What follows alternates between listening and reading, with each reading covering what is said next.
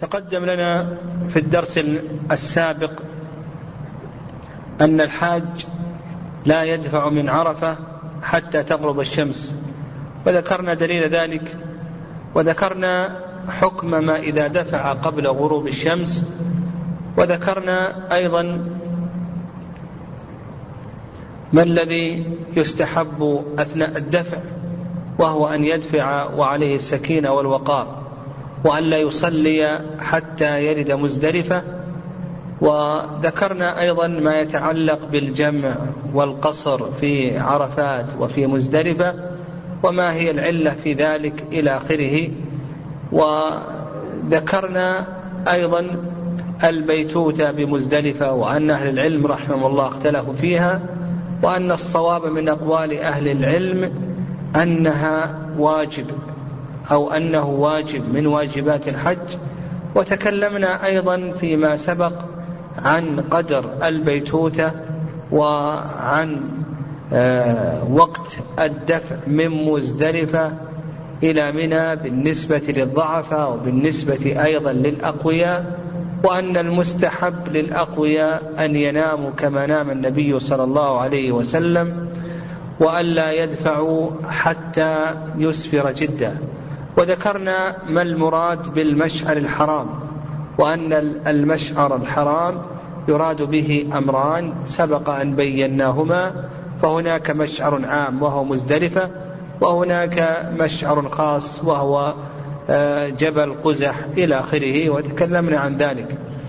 وأيضا في تلك الليلة لا يشرع إحياء تلك الليلة فإن النبي صلى الله عليه وسلم لم يحي تلك الليلة لكن المسلم يؤدي الوتر في تلك الليلة لأن النبي صلى الله عليه وسلم كان يوتر سفرا وحضرا يحافظ على الوتر سفرا وحضرا ثم بعد ذلك قال المؤلف رحمه الله فإذا بلغ محسرا يعني وادي محسر.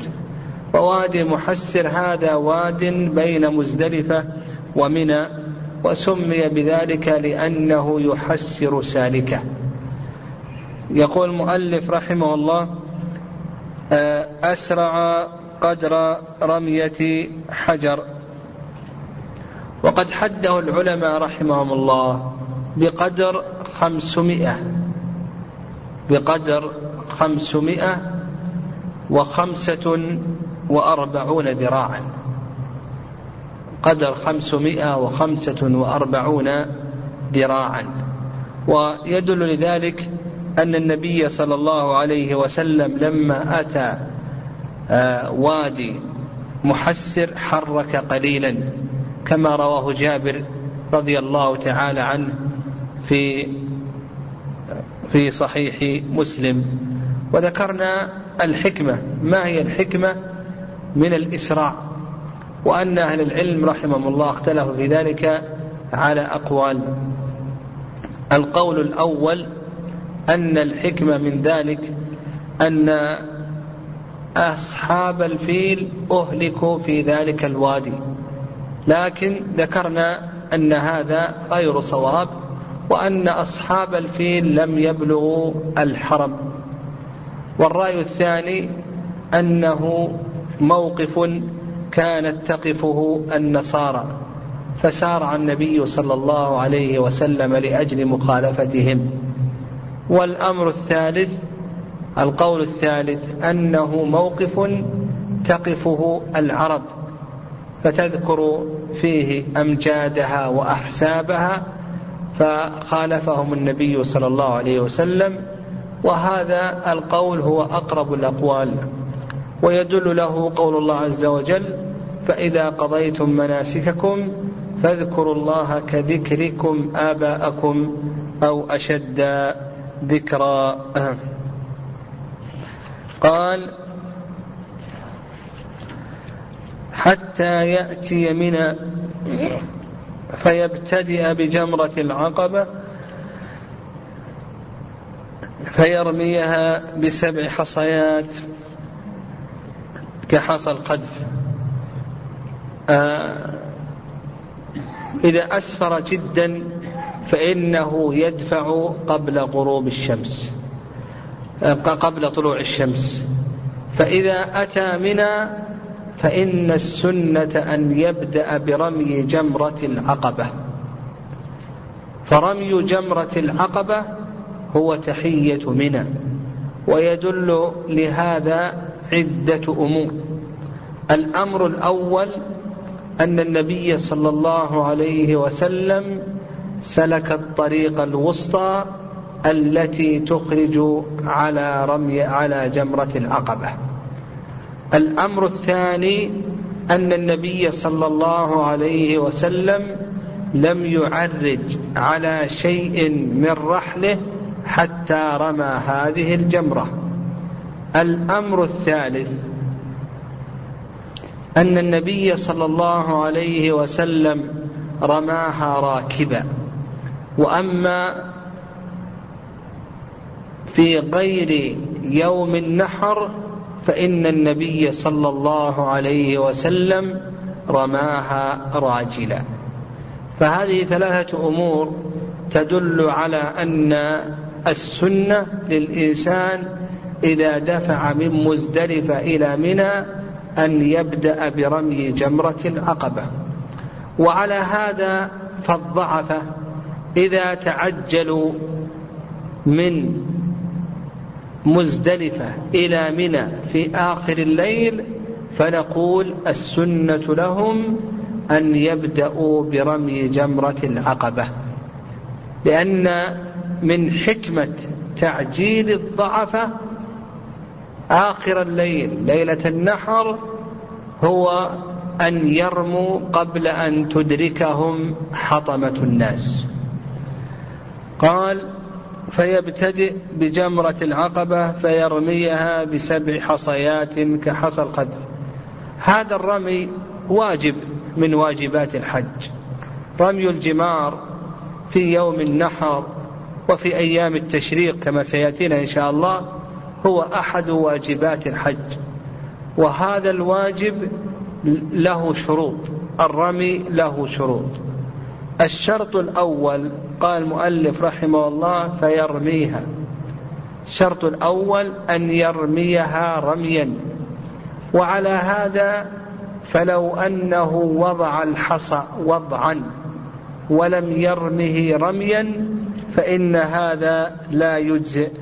والدليل على ذلك أن النبي صلى الله عليه وسلم رماها رميا كما في حديث ابن عمر وحديث جابر رضي الله عنهما قال جابر فرماها بسبع حصيات يكبر مع كل حصاة.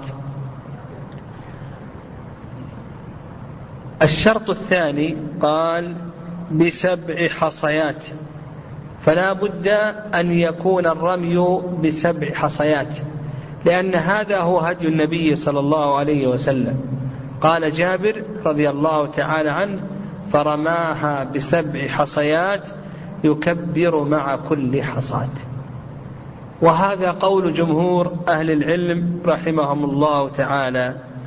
والرأي الثاني رواية عن الإمام أحمد رحمه الله أنه إن نقص حصاة أو حصاتين فإن هذا لا بأس به. نعم هذا لا بأس به. واستدلوا على ذلك بما رواه سعد. قال رجعنا من الحجة مع رسول الله صلى الله عليه وسلم. بعضنا يقول رميت بست وبعضنا يقول رميت بسبع فلم يعب. ذلك بعضنا على بعض. يقول سعد رجعنا من من الحجة مع رسول الله صلى الله عليه وسلم. بعضنا يقول رميت بست وبعضنا يقول رميت بسبع فلم يعب ذلك بعضنا على بعض. وهذا الحديث أو هذا الأثر أخرجه النسائي والبيهقي وصححه جمع من أهل العلم. فهذا دليل على أنه يغتفر. إذا نقص الإنسان حصاة أو حصاتين كما ذهب إليه الإمام أحمد رحمه الله تعالى. والأقرب في ذلك أن يقال أن الإنسان ما دام في وقت الرمي فإنه يحتاط ويرمي كما رمى النبي صلى الله عليه وسلم سبع حصيات. لأن جمهور أهل العلم يقولون إن نقص فإن ذلك لا يجزئه وأما إن فات وقت الرمي وقد نقص حصاة أو حصاتين فإن ذلك يغتفر له. هذا الشرط الثاني. الشرط الثالث قال المؤلف رحمه الله حصيات الشرط الثالث أن يكون بحصى. وعلى هذا فلو أنه رمى بغير الحصى فإن ذلك لا يجزئه لأن هذا عمل ليس عليه أمر الله ولا أمر رسوله صلى الله عليه وسلم. وتقدم أن أوردنا حديث جابر قال فرماها بسبع حصيات يكبر مع كل حصاة. فالنبي صلى الله عليه وسلم إنما رمى بالحصى. وعلى هذا لو رمى بالخشب أو رمى بالحديد أو رمى بالنعال أو غير ذلك فإن هذا لا يجزئه. الشرط الرابع قال المؤلف رحمه الله كحصى الخدف. يعني الشرط الرابع قال كحصى الخذف. يعني لا بد أن يرمي هذه الحصيات بحصى كحصى الخذف. فلا تجزئ الحصاة الكبيرة جدا ولا تجزئ الحصاة الصغيرة جدا. حصاة الكبيرة جدا هذه لا تجزئ وكذلك أيضا الحصاة الكبيرة هذه لا تجزئ. وقد قال العلماء بأن حصى الخذف هذه بين الحمص والبندق. يقولون بأنها بين الحمص والبندق. والشافعية رحمهم الله حد هذه حد حجم هذا الحصى قالوا بأنه كالأنملة من الإصبع. الأنملة من الإصبع مثلها إلا أنها أقل من الأنملة من الإصبع طولا وعرضا. يقول كالأنملة تأخذ حصاة كالأنملة من الإصبع إلا أنها أقل من الأنملة من الإصبع طولا وعرضا. أقل منها بشيء يسير طولا وعرضا. آه، الشرط آه، قال يكبر مع كل حصاة ويرفع يده اليمنى. وعلى هذا كما تقدم أنه لو وضعها وضعا فإن هذا لا يجزئ. طيب الشرط الخامس الشرط الخامس أن يرميها واحدة بعد الأخرى. لأن هذا هو هدي النبي صلى الله عليه وسلم. وعلى هذا فلو رماها دفعة واحدة فإن هذا لا يجزئ هذا لا يجزئ. وهذا قول جمهور أهل العلم رحمهم الله. وقال الحسن البصري يجزئ مع الجهل يجزئ مع الجهل. والصحيح في ذلك أن ذلك لا يجزئ. الشرط السادس أن تقع في المرمى لأن هذا المكان هو الذي رمى فيه النبي صلى الله عليه وسلم. فلا بد أن تقع في المرمى لأن هذا المكان هو الذي رمى فيه النبي عليه الصلاة والسلام.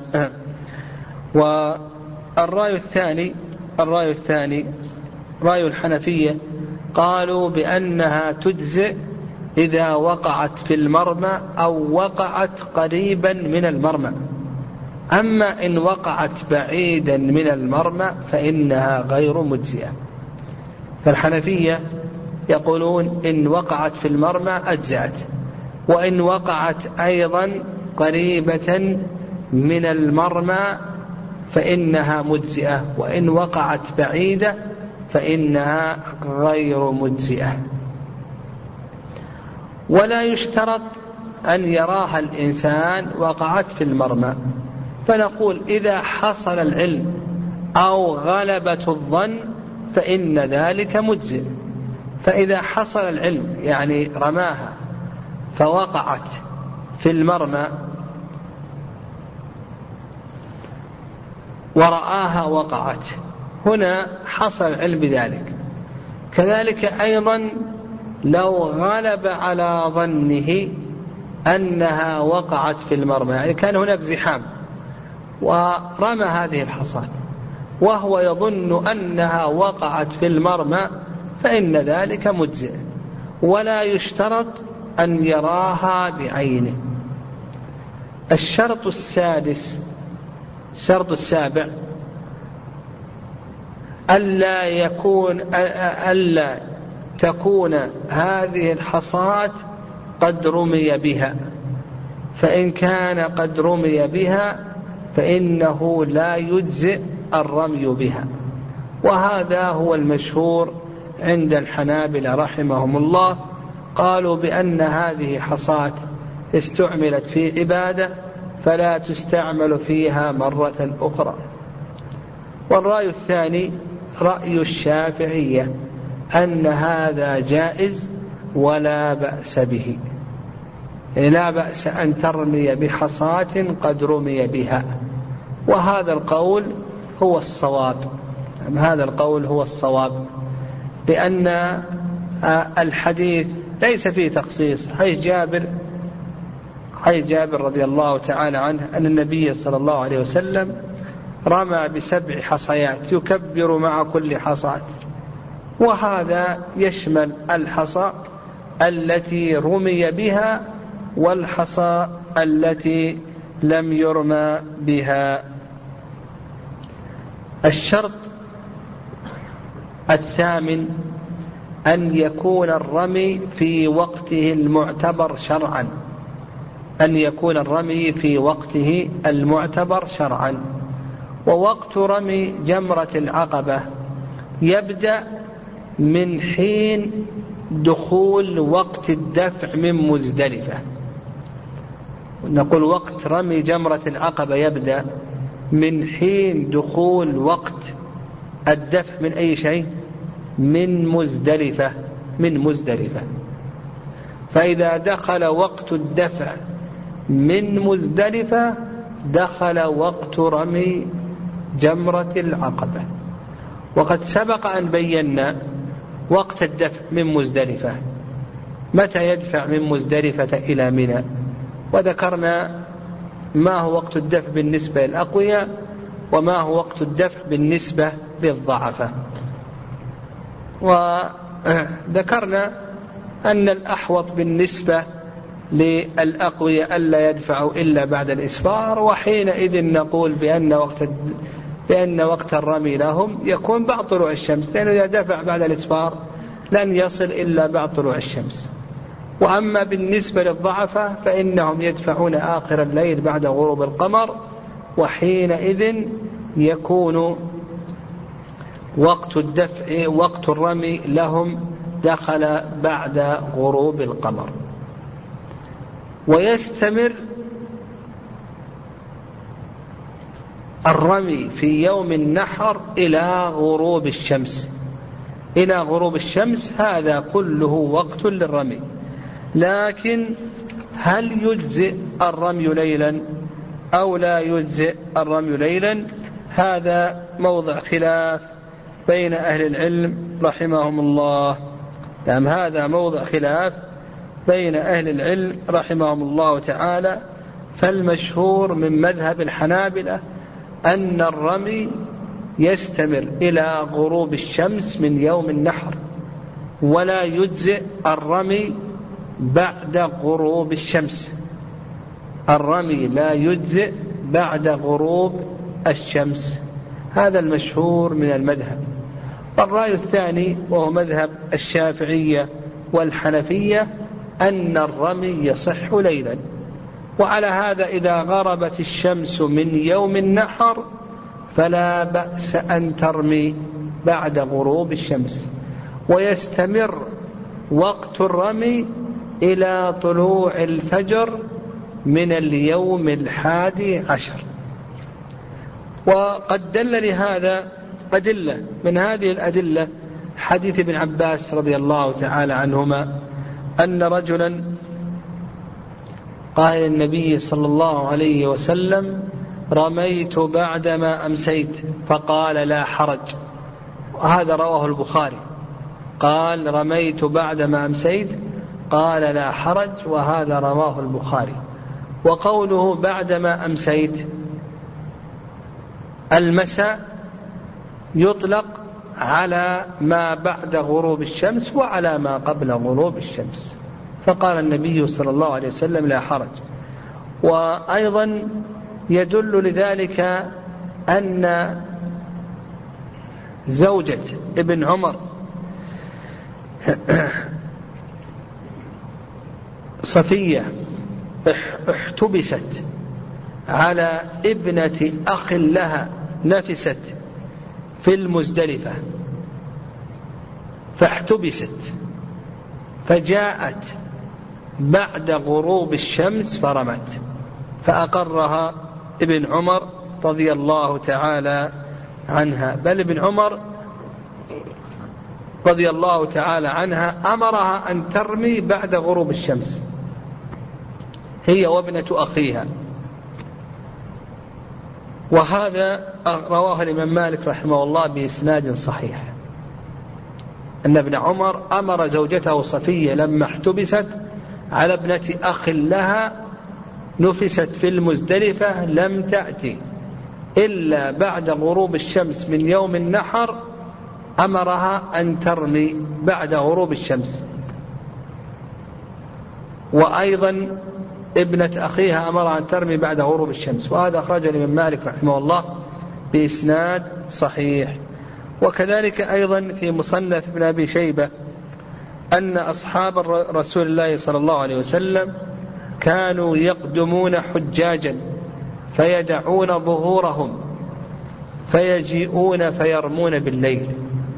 أن أصحاب رسول الله صلى الله عليه وسلم كانوا يقدمون حجاجا فيدعون ظهورهم فيجيئون فيرمون بالليل. وهذا أخرجه ابن أبي شيبة في مصنفه. فهذه الأدلة وكذلك أيضا آه نعم. فهذه الأدلة تدل على أن الرمي ليلا جائز ولا بأس به. آه هذه ثمنة شروط الشرط التاسع. نعم الشرط التاسع من شروط صحة الرمي أن يقصد الرمي. الشرط التاسع أن يقصد الرمي. وعلى هذا فلو رمى حصاة وهو لم يقصد الرمي وإنما رماها هكذا فوضعت فوقعت في الحوض فإنها لا تجزئ. فإنها لا تجزئ. والشرط الحادي عشر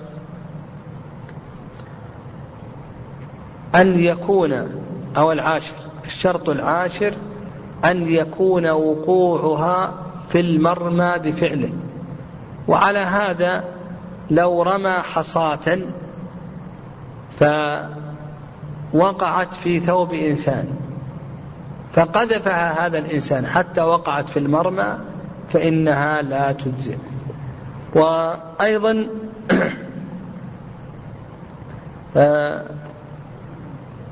أيضا لا يشترط أن تستقر في المرمى. فلو أنه رمى الحصاة ووقعت في المرمى ثم بعد ذلك تدحرجت من المرمى فنقول بأنها مجزئة. نقول بأنها مجزئة. قال رحمه الله يكبر مع كل حصاة. هذا هو السنة. السنة في حال الرمي أن يكبر مع كل حصاة. وسبق أن أوردنا حديث جابر رضي الله تعالى عنه فإن النبي صلى الله عليه وسلم رمى جمرة العقبة بسبع حصيات يكبر مع كل حصاة قال ويرفع يده في الرمي. يرفع يده في الرمي. قال بعض العلماء يرفع يده لأن حتى يرى بياض إبطه. يرفع يده حتى يرى بياض إبطه. قالوا لأن هذا أعون في الرمي. ويدل لذلك حديث جابر. قال فرماها بسبع حصيات يكبر مع كل حصاة. قوله فرماها هذا يدل على النبي صلى الله عليه وسلم رفع يده. لو أنه قال وضعها لقلنا بأن النبي صلى الله عليه وسلم ما رفع يده. وإنما قال رماها ولا يكون رميا إلا مع رفع إلا مع رفع اليد. قال ويقطع التلبية بابتداء الرمي. التلبية تستمر من حين الإحرام من اليوم الثامن من شهر ذي الحجة. فاليوم الثامن يربي واليوم التاسع يربي واليوم العاشر وهو يوم النحر إذا شرع في رمي جمرة العقبة فإنه يقطع التلبية. وظاهر كلام المؤلف رحمه الله تعالى في قوله ويقطع التلبية بابتداء الرمي أنه يقطع التلبية بأول حصاة بأول حصاة يكبر ويقطع التلبية. ويدل لهذا حديث الفضل ابن عباس رضي الله تعالى عنهما أن النبي صلى الله عليه وسلم لم يزل يلبي حتى رمى الجمرة حتى رمى جمرة العقبة. وهذا الحديث في الصحيحين. وفي لفظ من حديث العباس من حديث الفضل ابن العباس رضي الله تعالى عنهما قال أن النبي صلى الله عليه وسلم لم يزل يلبي حتى بلغ الجمرة.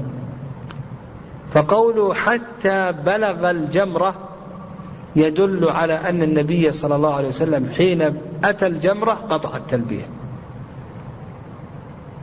الرأي الثاني رأي ابن حزم رحمه الله يقول بأنه يلبي ويستمر بالتلبية حتى حتى ينتهي من الرمي.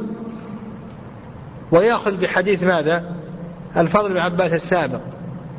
فإن فيه لم يزل يلبي حتى رمى جمرة العقبة. فقال حتى رمى جمرة العقبة يعني انتهى من رمي جمرة العقبة.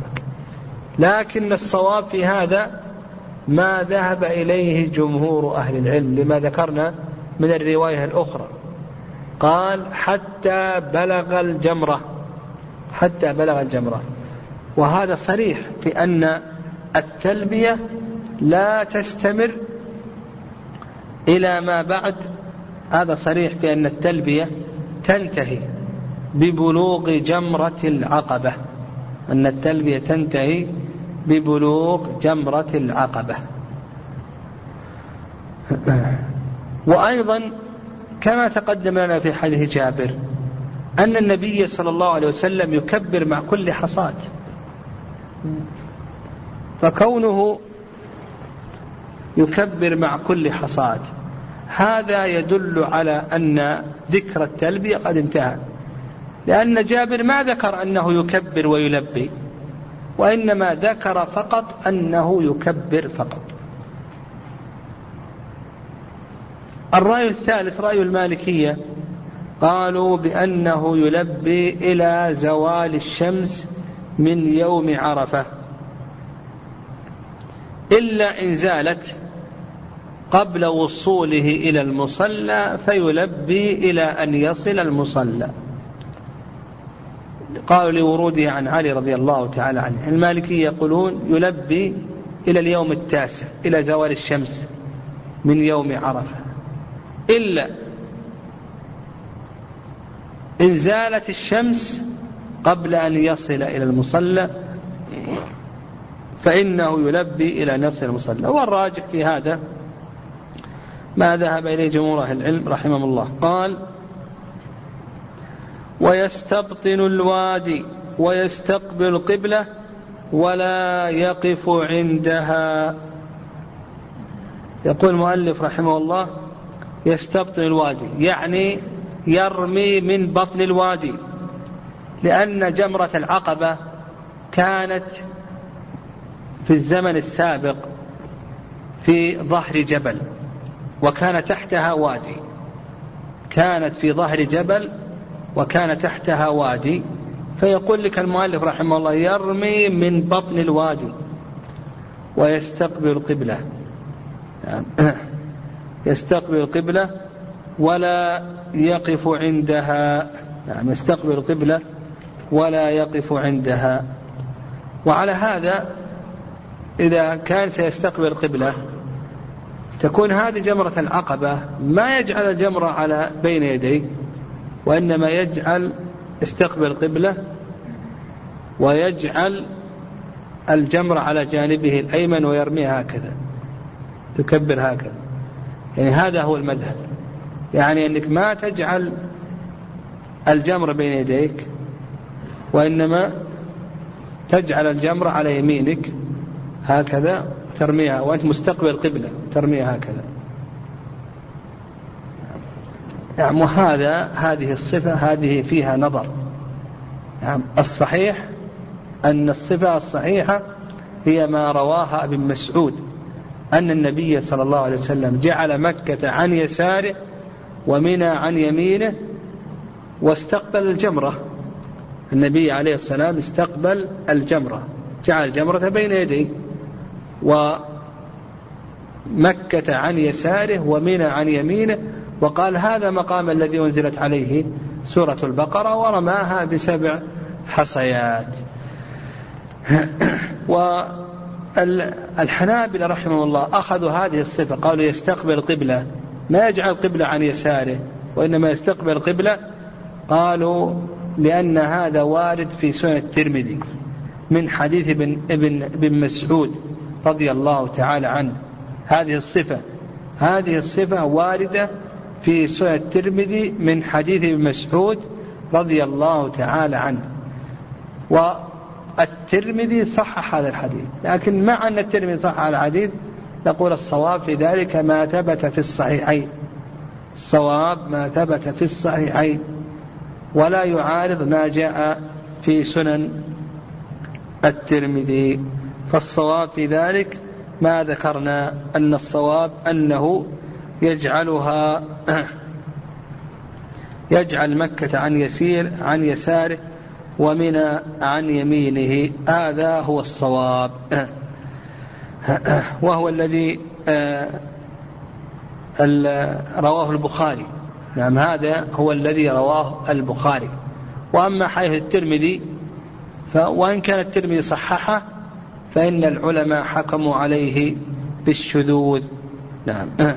وأيضا قالوا في إسناده المسعودي. والمسعودي هذا قد اختلط. قال رحمه الله ولا يقف عندها.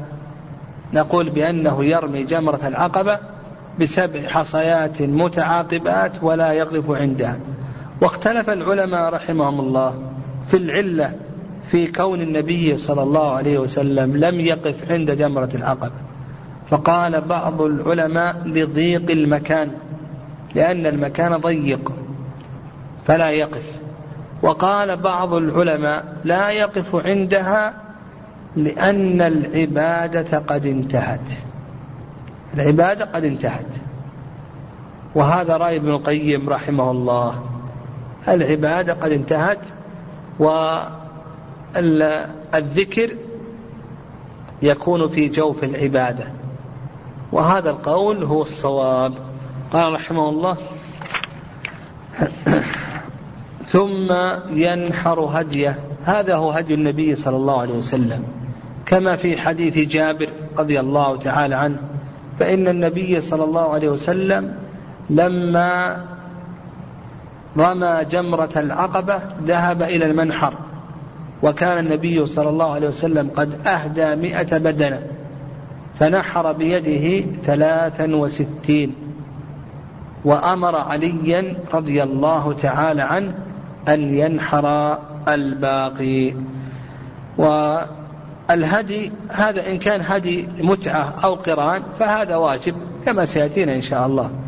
وإن لم يكن الإنسان متمتعا أو قارنا فقد قال العلماء رحمهم الله يستحب له أن يتطوع. لو كان مفردا فإنه يستحب له أن يتطوع. قال ثم ينحر هديه ثم يحلق رأسه أو يقصره. ثم يحلق ثم ينحر هديه ثم يحلق رأسه أو يقصره. أيضا هذا هو هدي النبي صلى الله عليه وسلم. بعد أن نحر حلقه معمر بن عبد الله رضي الله تعالى عنه. والحلق أفضل من التقصير. يعني الحلق أفضل من التقصير لأن الله عز وجل ابتدأ به فقال محلقين رؤوسكم ومقصرين ولأن النبي صلى الله عليه وسلم دعا للمحلقين ثلاثا وأما المقصرين فإنه دعا لهم مرة واحدة وهذا في الصحيحين من حديث ابن عمر رضي الله تعالى عنهما. وقوله ثم يحلق رأسه أو يقصره. يفهم من كلام المؤلف أنه لا بد أن يحلق كل رأسه أو يقصر كل رأسه.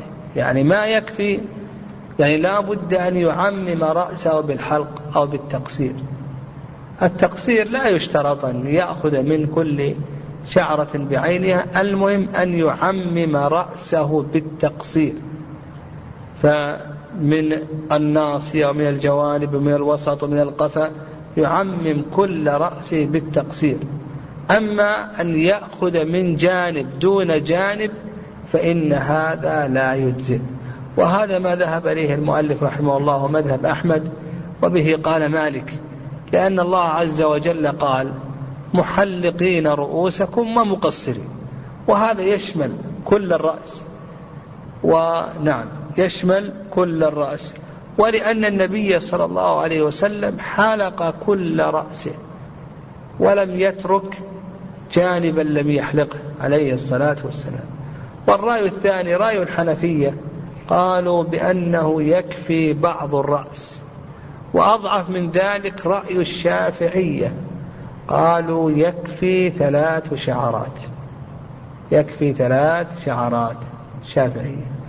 نعم وهذا كله فيه نظر والصواب في ذلك ما ذهب إليه المؤلف رحمه الله تعالى. المرأة لا تحلق بقول النبي عليه الصلاة والسلام ليس على النساء حلق إنما على النساء التقصير. وهذا الحديث رواه أبو داود وحسنه الحافظ بن حجر وقوى إسناده البخاري. قوى إسناده البخاري. والمرأة كما قلنا لا تحلق وإنما تقصر. من كل ظفيرة قدر أنملة. وإن كان الشعر مفلول فتجمع أطرافه وتأخذ منها قدر الملء يعني طول الأنملة. طول هكذا هذا طوله طول الأنملة تقصر هذه. بعض النساء تأخذ الضفيرة وتتلف على على الأصبع. هذا خطأ. المقصود قدر أنملة طول الأنملة هكذا. أما لف الضفيرة على الأصبع ثم تأخذ قدرها هذا خطأ. نعم. إذا كان مدرج درجات كل خصلة تجمعها وتقص منها. يعني كل خصلة تجمع هذه الخصلة وتقص منها قدر أنملة قال رحمه الله ثم قد حل له كل شيء إلا النساء. نعم. بما يحصل التحلل الأول. التحلل الأول بما يحصل. ظاهر كلام المؤلف رحمه الله أن التحال الأول يحصل باثنين وهما الرمي والحلق. لأنه بعد الحلق قال ثم حل له كل شيء. فظاهر كلام المؤلف رحمه الله أن أنه يحصل التحال الأول باثنين. لا بد منهما.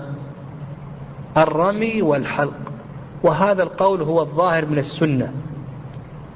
يعني حديث عائشة رضي الله تعالى عنها قالت كنت أطيب رسول الله صلى الله عليه وسلم لإحرامي قبل أن يحرم ولحله قبل أن يطوف بالبيت. لحله قبل أن يطوف بالبيت. قالت لحله سمته متحللا قبل الطواف بالبيت. فدل الطواف قبل الطواف ماذا فعل النبي عليه الصلاة والسلام قبل الطواف؟ ها؟ رمى وحلق النحر هذا ليس داخل في التحلل. النحر هذا ليس داخل في التحلل. قالت لحل قبل يطوف البيت. فسمته متحللا قبل أن يذهب يطوف. وطيبت طيبته عليه الصلاة والسلام. فدل ذلك على أنه تحلل بهذين الاثنين. تحلل بهذين الاثنين. وأيضا ليس من الحكمة أن النبي صلى الله عليه وسلم يتحلل بالرمي ثم يطيب ثم يحلق. هذا ليس من الحكمة. فالصواب في ذلك ما ذهب إليه المؤلف رحمه الله وأنه يحصل التحلل باثنين معينين. المذهب يحصل التحلل باثنين من أي شيء؟ من ثلاثة يعني غير معينين. قد الإنسان يذهب يرمي ولا يحلق ثم يذهب يطوف. فالمذهب مذهب الشافعية أنه إذا فعل اثنين من ثلاثة الرمي والحلق والطواف مع السعي. إذا فعل اثنين من ثلاثة نعم إذا فعل اثنين من ثلاثة آه، فإنه يتحال التحال الأول. هذا هو المشهور من المذهب وكذلك أيضا مذهب الشافعية. والرأي الثالث الرأي الثالث رأي المالكية أن التحلل يحصل برمي جمرة العقبة. إذا رمى جمرة العقبة فإنه حصل التحلل الأول. والحنفية يقول لا يحصل التحلل الأول إلا بالحلق. نعم إلا بالحلق. والصحيح في ذلك هو الرأي الأول الذي ذكرنا. وأما حيث عائشة وحيث ابن عباس إذا رميتم فقد حل لكم كل شيء إلا النساء. وأيضا آه، حيث حيث ابن عباس إلى آخره. يعني الأحاديث الواردة في أن التحالل يكون حيث عائشة إذا رميتم وحلقتم. حيث ابن عباس إذا رميتم الجمرة. هذه كلها ضعيفة هذه الأحاديث. هذه ما يبقى عندنا حيث عائشة ثابت في الصحيح. ثابت في الصحيحين. حيث عائشة رضي الله تعالى عنها. وعلى هذا نقول الأقرب في هذه المسألة أنه يحصل التحال الأول باثنين معينين. معينين. وهم وهذا كما أسلفت. نعم. نعم كما أسلفت. وأما حيث ابن عباس إذا رميتم الجمرة وقد حال لكم كل شيء للنساء هذا منقطع. وأيضا حيث عائشة إذا رمى أحدكم جمرة العقبة حل له كل شيء إلا النساء أيضا هذا رواه أبو داود ضعيف في إسناد الحجاج بن أرطاء وهو مدلس وقد عنعنه إلى آخره ولم يسمع من الزهري إلى آخره.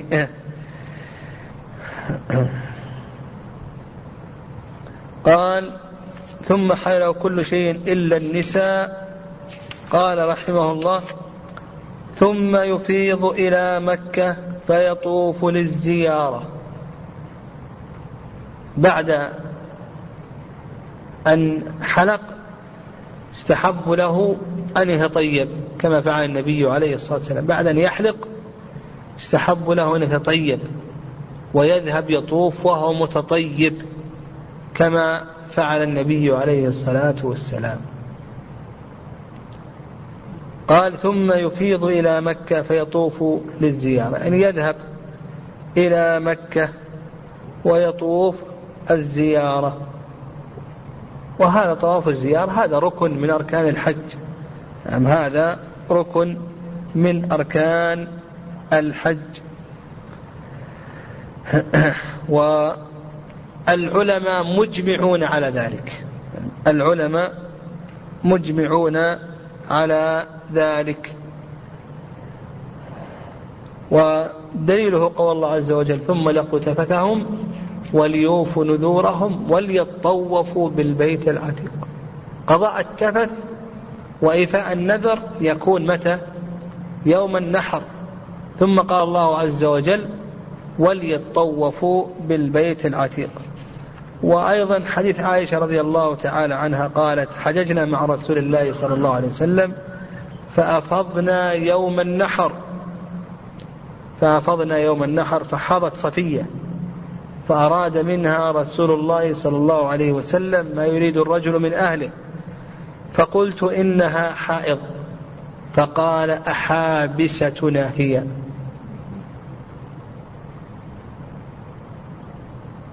هذا يدل على أن وهذا الحديث في الصحيحين. هذا الحديث في الصحيحين. هذا يدل على أن طواف الإفاضة وش حكمه ركن. لأن النبي صلى الله عليه وسلم قال أحابستنا هي. لو كان واجبا ما حبس. وإنما حبس لكونه ركنا لا بد أن يؤتى به. قال ولهذا طواف الوداع لما كان واجبا هل يحبس أو لا يحبس؟ لا يحبس. خفف عنها. إذا حاضت المرأة قبل أن تطوف طواف الوداع فإنها تنفر. ولا شيء عليها. لكن طواف الإفاضة لما كان واجبا وقيل يا رسول الله إنها حاضت إنها حائض. قال فلتن أحابستنا هي أحابستنا هي. فقيل النبي صلى الله عليه وسلم إنها أفاضت. قال فلتنفر إذن. تنفر إذن. قال فيطوف طواف وهو الطواف الواجب الذي به تمام الحج. قال المؤلف ثم يسعى بين الصفا والمروة إن كان متمتعا أو ممن لم يسعى مع طواف القدوم. نعم. آه بالنسبة لطواف الإفاضة ذكرنا أنه ركن. متى يبدأ وقته؟ وما هو آخر وقته؟ وما هو الوقت الأفضل أن يفعل فيه؟ نقول بأن وقته يبدأ من حين دخول وقت الدفع من مزدلفة. يعني إذا دخل وقت الدفع من مزدلفة إلى منى عندنا أنساك يدخل وقتها. طواف الإفاضة السعي رمي جمرة العقبة الحلق أو التقصير. إذا دخل وقت الدفع من مزدلفة إلى منى هذه أربعة أنساك كلها دخل وقتها. هذه أربعة أنساك كلها دخل وقتها. لا النحر ها؟ كيف؟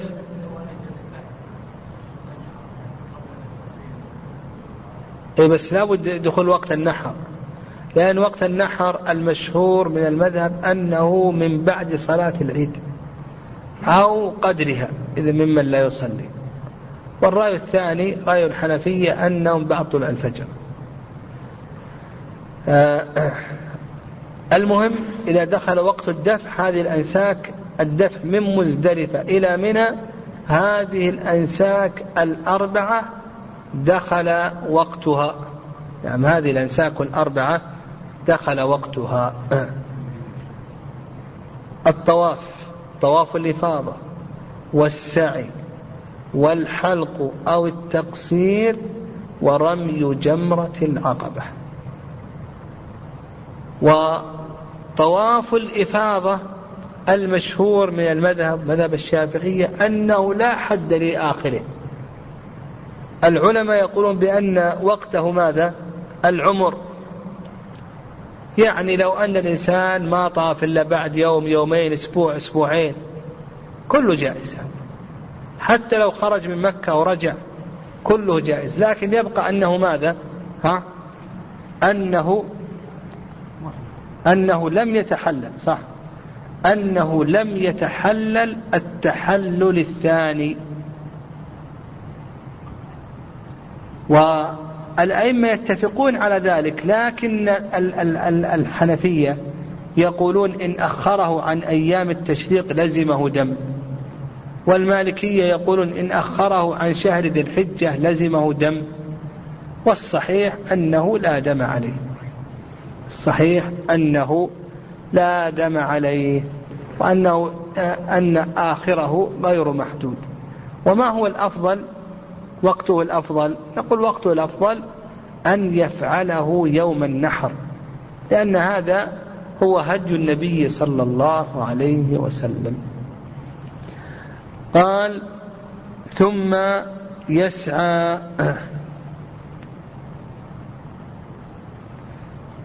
بين الصفا والمروة إن كان متمتعا. نعم ثم يسعى بين الصفا والمروة إن كان متمتعا. يفهم من كلام المؤلف رحمه الله أن المتمتع كم يلزم من سعي؟ يلزمه سعيان. أن المتمتع يلزمه سعيان. سعي لعمرته وسعي لحجه. وهذا ما عليه أكثر أهل العلم رحمهم الله تعالى. والرأي الثاني وهو رواية عن الإمام أحمد رحمه الله واختاره شيخ الإسلام تيمية رحمه الله تعالى أن المتمتع يكفيه سعي واحد. أن المتمتع يكفيه سعي واحد. ولكل منهم دليل. أما الجمهور نعم فاستدلوا بحديث عائشة رضي الله تعالى عنها.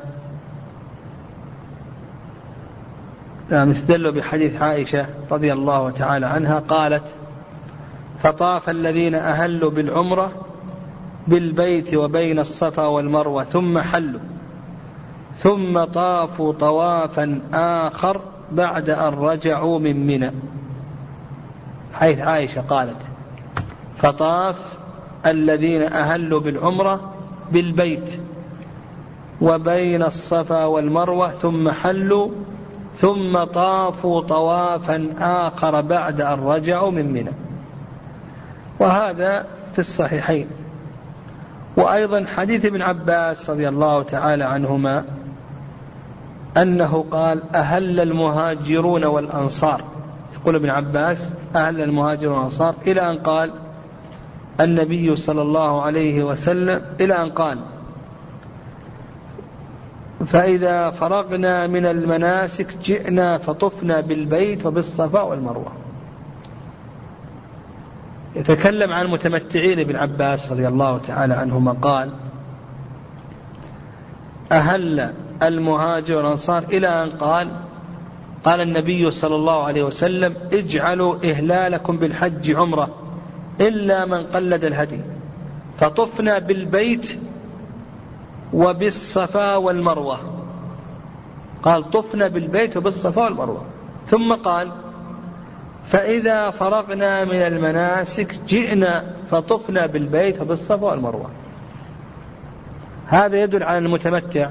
كم عليه؟ عليه سعيان. لأنه قال النبي صلى الله عليه وسلم قال اجعلوا إهلالكم بالحج عمرة. قال فطفنا بالبيت وبالصفا والمروة. ثم قال فإذا فرغنا من المناسك جئنا فطفنا بالبيت وبالصفا والمروة. وهذا أخرجه البخاري. نعم هذا أخرجه البخاري معلقا. ولكن شيخ الإسلام تيمية رحمه الله رد على هذه الأدلة وحكم عليها بالضعف. شيخ الإسلام تيمية رحمه الله رد عليها وحكم عليها بالضعف واستدلوا على ذلك. نعم بحديث جابر. نعم حديث جابر. آه، وحديث جابر أن النبي صلى الله عليه وسلم قال نعم حديث جابر أن النبي عليه الصلاة والسلام آه، قال لم يطف النبي صلى الله عليه وسلم ولا أصحابه بين الصفا والمروة إلا طوافا واحدا. لم يطف النبي صلى الله عليه وسلم ولا أصحابه بين الصفا والمروة إلا طوافا واحدا. هذا رواه مسلم. لكن أجاب عنه الجمهور بين المراد هنا من هم؟ النبي وأصحابه القارنين.